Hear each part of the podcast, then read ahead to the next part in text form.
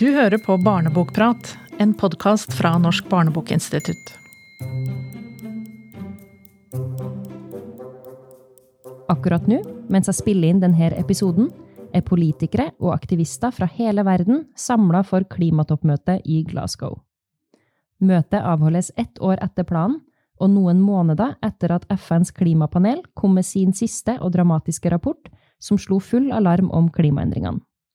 Det bidro til at klima ble et hovedtema i forkant av stortingsvalget her hjemme i høst, sjøl om det har vært diskutert hvorvidt årets valg ble et klimavalg eller ikke. Mens mange klimabevisste velgere ble skuffa, var det ei stor gruppe som slett ikke fikk lov til å stemme ved årets valg. En av dem skal jeg snakke med litt seinere i denne episoden, nemlig aktivist, Unicef-ambassadør, forfatter og videregående elev Penelope Lea. Debutboka hennes I hverandres verden er nemlig én av flere klimabøker for barn og unge som har blitt gitt ut denne høsten. Det er ikke bare i årets bokhøst at klima blir tematisert, det har vært en tendens i barnelitteraturen over flere år.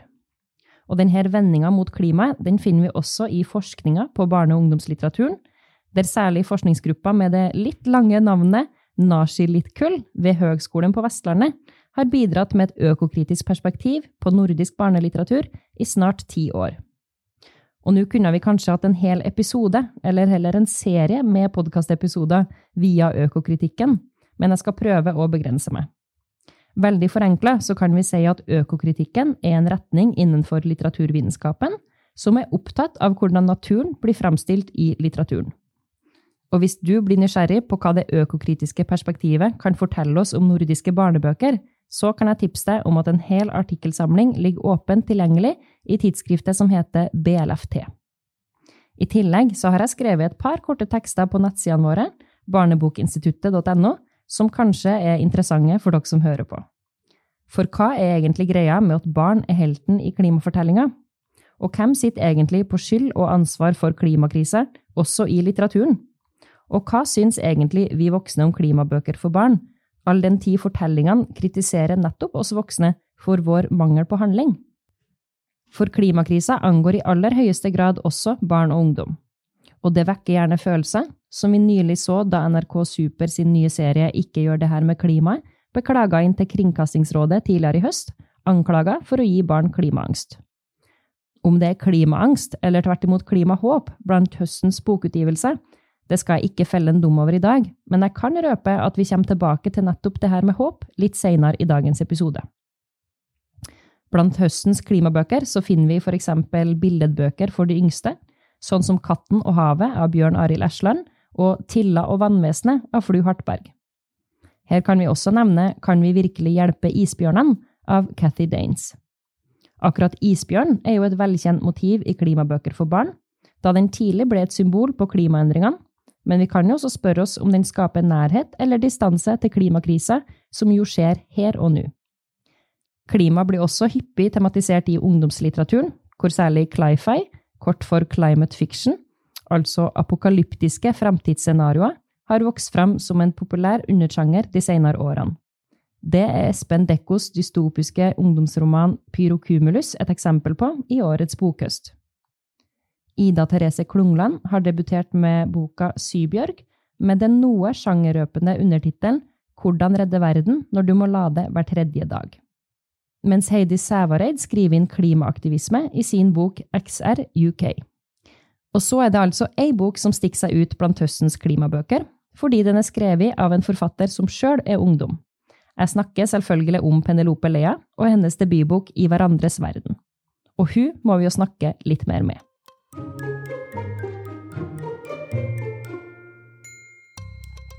Velkommen, Penelope Lea. Tusen takk. Jeg er veldig glad for at du ville være med oss eh, hit i dag. Veldig glad for å være med. Mm. Så bra. Og når vi spiller inn nå, så er det jo Klokka er jo like etter skoletid, for du er jo skoleelev til vanlig. Jeg er skoleelev. Det er du. Mm. Men jeg mistenker kanskje at du er en litt mer Kanskje litt mer travel skoleelev enn det i hvert fall jeg var da jeg gikk på videregående. For um, vil du kanskje fortelle litt om deg selv til Ja. lytterne våre som kanskje ikke kjenner deg fra før av?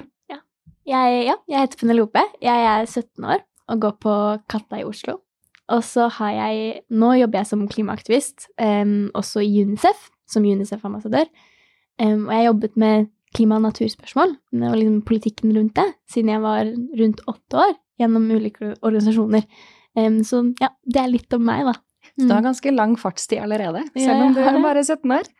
Og så er det jo sånn at du har, du har også debutert nå som forfatter tidligere i høst, ja. og da med boka di I hverandres verden, eh, som da nettopp er en av flere klimabøker for barn og unge som blir gitt ut denne høsten. Mm. Eh, og da lurte jeg på om du bare vil fortelle litt kort om boka di? Ja. Noe av det som gir meg liksom mest energi, og også krefter til å fortsette arbeidet mitt, og glede, det er alle de menneskene jeg får lov til å møte, både nasjonalt og internasjonalt, og alle de andre bakgrunnene, eller ulike bakgrunnene fra meg selv, de ulike erfaringene som jeg får lov til å høre på, um, og måtene de snakker om tematikken på. Um, og jeg skjønte kanskje spesielt hvor mye jeg savnet det under korona, når det ble lockdown. Um, og da hadde jeg veldig lyst til å skrive denne boken, også for å få frem liksom, sammenhengene i debatten. Så I hverandres verden er en bok jeg har skrevet eh, sammen med moren min. Eh, og det er elleve samtaler eh, om klima og miljø, menneskerettigheter, barnerettigheter, politikk og fred. og det er en samtalebok fordi jeg har samlet samtalene som har betydd mye for meg, med mennesker som fokuserer på ting i klimakampen som jeg mener er viktig å fremme. Um, men så er det også en refleksjonsbok, um, fordi jeg har jo skrevet noen av mine egne tanker mellom hvert intervju. Um, som jeg har både liksom tenkt gjennom arbeidet mitt som aktivist, uh, og også under samtalen jeg hadde med dem, da. Mm. Mm.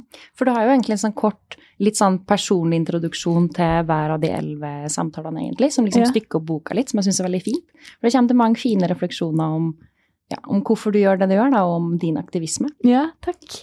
Eh, så det er jo ganske ulike stemmer du har intervjua i boka di, og da lurte jeg litt på hvorfor du har valgt akkurat dem her.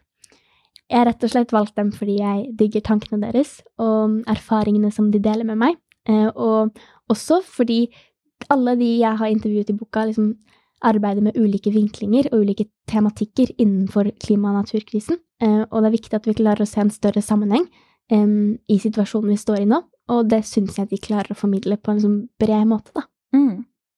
Ja, altså når jeg leser intervjuene, så tenker jeg jo at det er, det er mennesker som er plukka ut på tvers av grenser. Både liksom at dem du intervjuer i boka, kommer fra, fra ulike land, du krysser liksom landegrenser, og så er det krysning av alders- og generasjonsgrenser, fordi du både intervjuer eldre og mer erfarne politikere og forskere, eller veldig unge aktivister.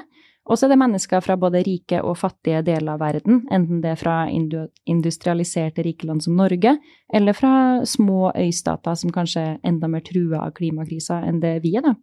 Og da lurte jeg litt på om, om det er det som er prosjektet ditt med boka, altså hvordan vi kan snakke sammen, og hvordan vi kan skape et samarbeid på tvers av folk og på tvers av grenser for å få til endring? Det er absolutt deler av målet mitt med boka. Og jeg, ja, jeg skjønte fort når jeg begynte å arbeide med klima- og naturspørsmål, um, at samarbeid er helt avgjørende. Um, og vi må klare å samarbeide både på tvers av landegrenser uh, og på tvers av aldre og ulike grupper, da. Uh, og det var også grunnen til at jeg valgte noen av de jeg valgte å intervjue i boka, rett og slett fordi de er kjent for å klare å skape samarbeid som har vært vanskelig å få til, sånn som Christiana Figueres, som jo var den første som fikk til um, å skape en internasjonal klimaavtale gjennom Parisavtalen, og fikk landet til å bli delvis enige. Og hun sier noe som jeg syns er så fint. Hvis du ønsker å få til enighet mellom mennesker som har ulike meninger, er det første du må gjøre å lytte. For du må forstå hva som ligger bak de forskjellige synspunktene, om hva som er historien, og hva er den personlige erfaringene, hva er smerten og gleden bak et menneske oppfa menneskets oppfatning og holdning. Um, og det syns jeg er så fint, for vi, hvis vi skal klare å møte hverandre um, og samarbeide selv om vi er uenige, så må vi møte hverandre på et personlig nivå. Um, ja. Og da syns jeg det er så fint med disse ulike, ulike stemmene som kan møte og appellere til liksom, ulike følelser i oss, da. Mm. Og når jeg var når jeg var, begynt, var, rundt ni år og begynte å ha møte med politikere og beslutningstagere for første gang, um, så var det liksom noen begreper som, som var litt vanskelig å forstå, eller som jeg forsto deler av, men som jeg opplevde at det lå noe mer bak, og som ble brukt litt annerledes enn det jeg var vant til.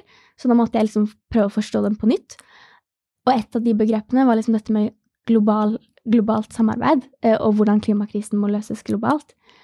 Og ofte, ofte opplever jeg at det blir brukt som et argument, særlig av land i Vesten som slipper ut mye klimagasser, for å hindre handling. Egentlig ja, en unnskyldning Mm. for å ikke handle mer og ikke kutte mer utslipp. Si at det spiller ikke noen rolle hva lille Norge gjør, fordi Kina slipper ut utslipp, fordi India slipper, slipper, slipper ut utslipp, og fordi vi må løse dette globalt. Mm. Når egentlig det å løse klimakrisen globalt mener jeg handler om at vi i Vesten, som har sluppet det mest og tjent på klimagassutslippene, må ta et større ansvar, slik at mennesker andre steder i verden kan øke sin levestandard, rett og slett. Mm. Så det er det det globale samarbeidet handler om. Det er det den globale løsningen handler om. Og vi er jo vi er privilegert, og det synes. Um, og vi ser verden også, da må, opp, da må vi huske på at vi ser verden ut fra å være privilegert. Og det ser vi også i mange andre debatter, sånn som eh, Black Lives Matter uh, og metoo, naturdebatten, klimadebatten, at man kan bli liksom blind av det, da. Og da må vi nesten også bare liksom gå ut ifra at det er noe vi kan bli litt blind på, og dermed også lytte enda bedre.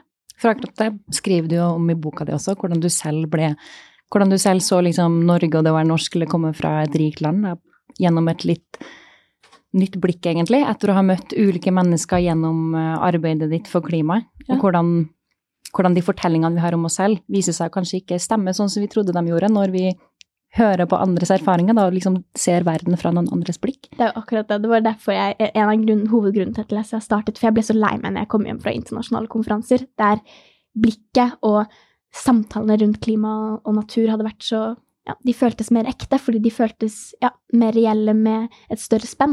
Og når jeg kom hjem til den norske debatten, så føltes den så snever. Ja. Men du skriver jo både liksom om det ansvaret som de rike statene har, og også kanskje mangelen på tillit som de fattige landene har overfor eh, de, dem som sitter med mest av skylda da, for klimautslippene. Tenker du at det er også en parallell som gjelder for skillet mellom eh, barn og unge og de voksne, som har sittet med ansvaret så lenge og ikke gjort nok?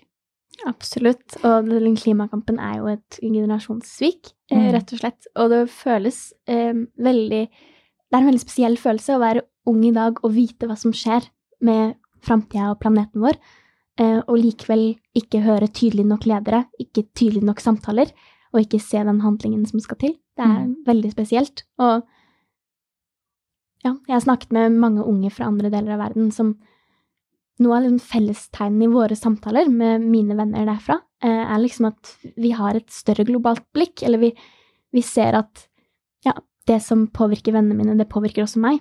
Eh, hva skal jeg gjøre når de jeg er glad i, mister hjemmene sine? Og mat og vann, eller utdanning, av klimaendringer. Det påvirker meg, da. Du hører på Barnebokprat, en podkast fra Norsk barnebokinstitutt. Vi jobber med barnelitteratur på ulike plattformer innen forskning, undervisning og formidling rettet mot voksne.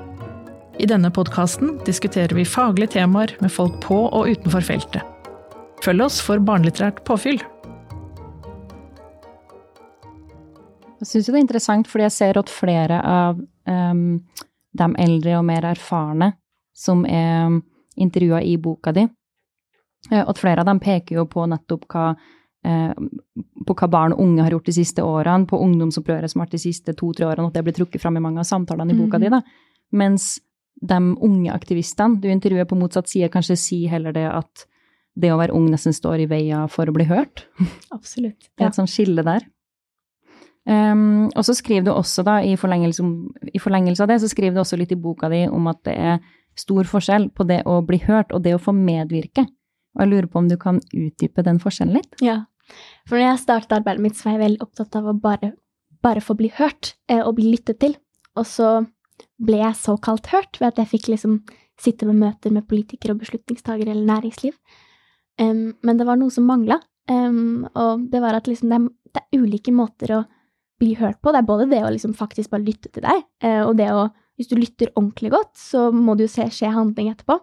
Um, og det å få medvirke, da, som jo var kanskje det jeg egentlig ville at mine bekymringer og mine tanker skulle bli tatt på alvor, um, og andre barn og ungers tanker og bekymringer skulle bli tatt på alvor. alvor. Um, så, og det er en veldig viktig forskjell å være ja, obs på, da, fordi det er så lett for, å være ung og sitte i et møte og tenke ja, men ok, nå har jeg blitt hørt. Var det det, liksom? Når det egentlig er noe mer som skal til, og man skal kreve noe mer. Det står jo også i barnerettighetene, i barnekonvensjonen, at barn og unge har rett til å medvirke, medvirke i saker som angår dem. Mm. Det, er en, ja, det er en rett vi har, da. Det er viktig å vite forskjellen på de møtene der man bare føler at det liksom blir babbel, og man ikke blir hørt ordentlig, Mm, Og- de det faktisk skjer liksom noe medvirkning i. Og klimaendringene angår jo i aller høyeste grad barn og unge, siden det er dem som skal leve med Ja. dem aller lengst. Eh, og det er jo kanskje derfor du også har valgt å intervjue Kristin Sandberg i boka di. Hun har jo annet leda FN sin barnekomité, Ja. der dere nettopp snakker om det her, at klimakampen også må bli forstått som en menneskerettighetskamp, men da særlig som en kamp for barns rettigheter. For det handler jo også om medvirkning.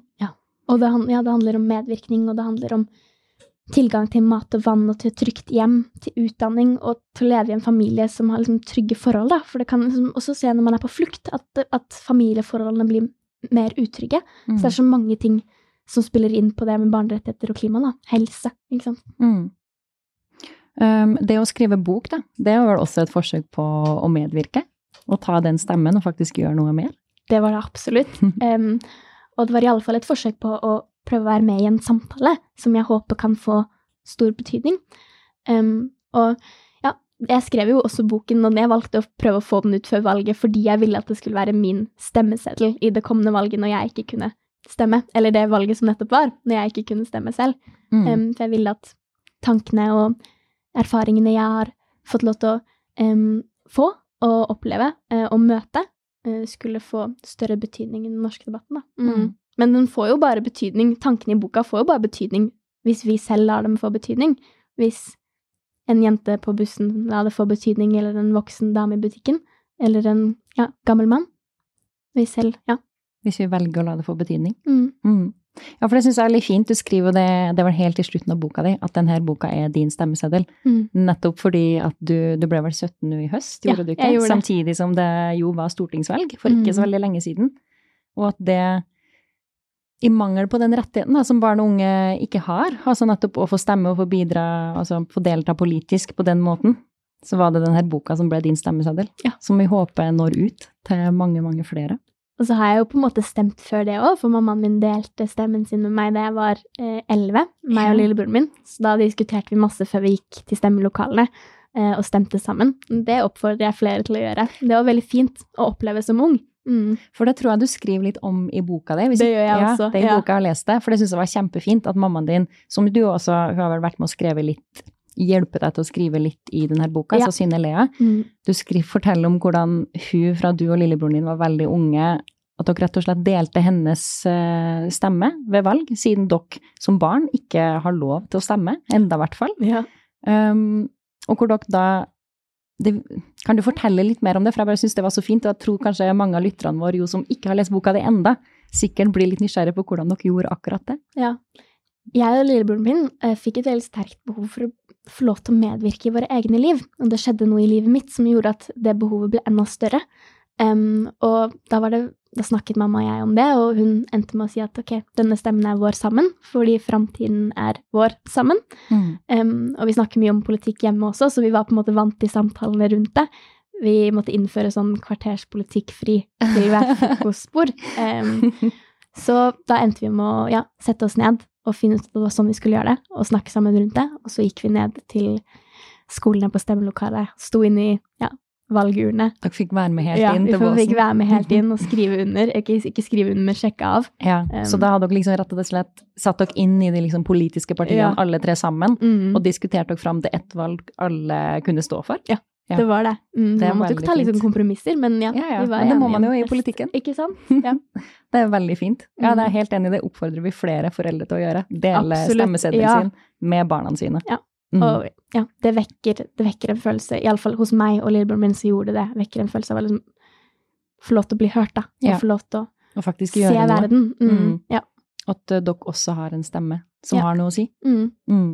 Og Det se at det faktisk betyr noe, det vi gjør. Det betyr noe, det man snakker om. Det betyr noe, de samtalene vi har. Mm.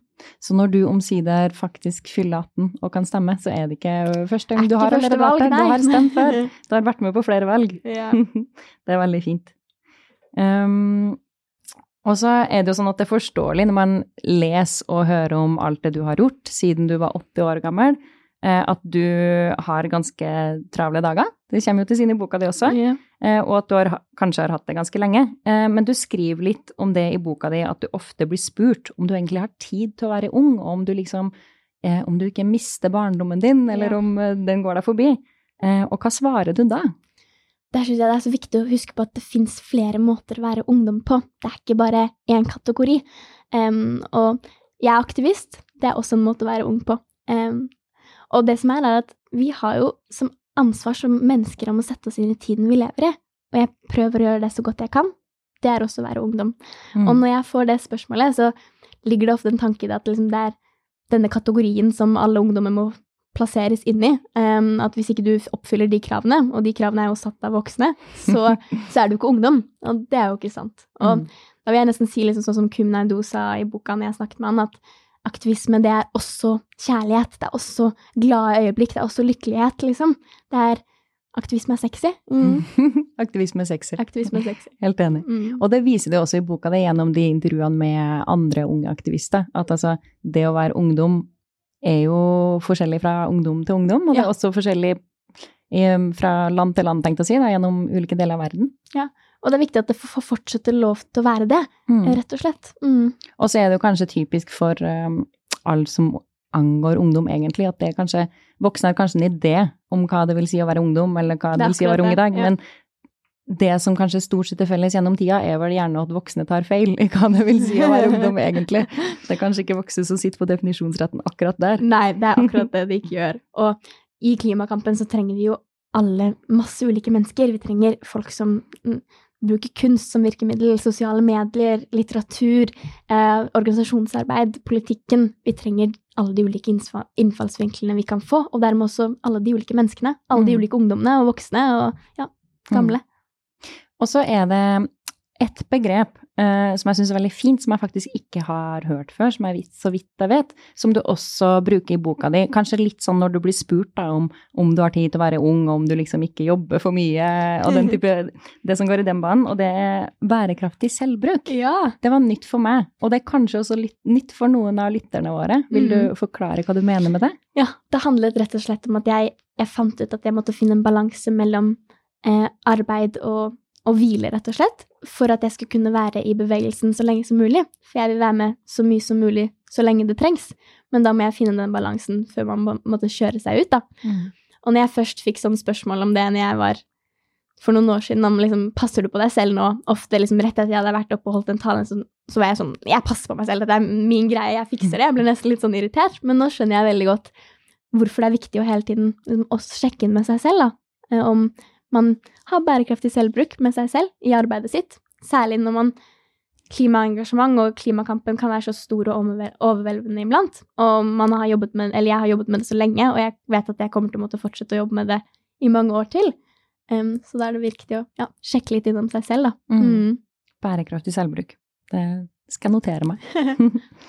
uh, og så lurer jeg på, fordi jeg vet at du veldig ofte blir spurt om du har håp. Det skriver du om ganske tidlig i boka, tror jeg. At det er liksom det. det spørsmålet som alltid kommer. Og kanskje så ligger det da en forventning i det spørsmålet, som om liksom om samtalen skal avsluttes i en litt optimistisk eh, tone, får jeg inntrykk av. Men det, egentlig, det jeg er interessert i, da, er egentlig om du tenker at klimabøker, og da kanskje spesielt for barn og ungdom, om dem må gi leseren håp. Ja. Jeg tenker nok ikke det er en plikt at klimabøker gir leseren håp. Em, og så tror jeg det finnes ulike typer håp, som du nevnte. Det er det håpet som avslutter en samtale, eller som ungdom skal gi til voksne for at man skal kunne fortsette som før. Og så er det det handlekraftige håpet, som er forpliktende da, eh, og utålmodig, eh, som motstandsdyktig håp. Mm. Um, og det fins det jo bare så lenge vi klarer å liksom handle og se en større sammenheng, og klarer å ja, være tydelige med de endringene vi trenger å innføre. Um, men det håpet, det handlekraftige, utålmodige hoppet, det kan vi ikke få nok av. Mm. Mm, men det er det andre hoppet vi må være liksom obs på. Mm. Ja, ikke sant. Jeg tror du kaller det Du skriver et sted i boka di at du trenger et håp som virker. Ja, det syns jeg er Man veldig trenger fint. et håp som virker. Ja, ikke passivt, men et handlekraftig håp. Ja. um, og så lurer jeg på, um, nesten helt til slutt, eh, fordi i boka di så har du liksom et gjennomgående spørsmål som du stiller ganske mange av dem du intervjuer. Og det er hva synes du er det mest underkommuniserte ved klimakrisa? Og det har jeg litt lyst til å spørre deg om. Ja. Jeg fikk så mange ulike svar da, Ja, fordi, det gjorde det. fordi det er så mye som skulle blitt snakket mer om. Mm. Um, og jeg tror kanskje det er det som må bli mitt svar. Um, at det underkommuniserte aspektet med klimakrisen er at det er så mange underkommuniserte aspekter. Og det er så mange sammenhenger som vi trenger å trekke, og som ser i en større grad. Um, også for oss selv. Um, for å kunne liksom ha en tydeligere og, og mer ærlig samtale med hverandre, da. Mm. Så det er sammenhengen mellom klimaendringer, naturkrisen, barnerettigheter, menneskerettigheter, helse, likestilling, um, imperialisme, kolonisme, um, ja, De store sammenhengene. Mm, de store Mm. sammenhengene. Det er et godt svar. eh, og så lurer jeg på helt til slutt om du har en bok sjøl som du vil anbefale til lytterne våre? Jeg har mange bøker. Det er mange bøker, så bra! Og så siden, siden det finnes så mange måter å liksom gå inn i klimakampen på, så finnes det jo så mange bøker som indirekte også liksom handler litt om klima, da. Mm -hmm. um, så 200, eller 2070, mener jeg, som av Bjørn Halvard Samset, Mm. handler om forskningen hvor vi står nå, um, sånn helt ja, forskningsmessig, da. Og han jobber jo i IPCC, jeg har også intervjuet han i boka mi. Mm. Han er veldig flink til å formidle um, på en måte som er forståelig, em, og det setter jeg pris på. Så Lille tre, som Lille jeg tre. også liker veldig godt. Den leste jeg for første gang for noen år siden. Også en bok av Elin Anna Labba, som Herren sendte oss hit, som handler jo om samisk kultur. Mm. Den kjenner ikke jeg til, faktisk, så det, Ja. den skal jeg gå hjem og lese. Ja. Mm. Herren sendte oss hit. Og klimakampen handler jo også om urbefolkning. ikke sant? Nå har vi vært i Repparfjorden. Mm. Mm.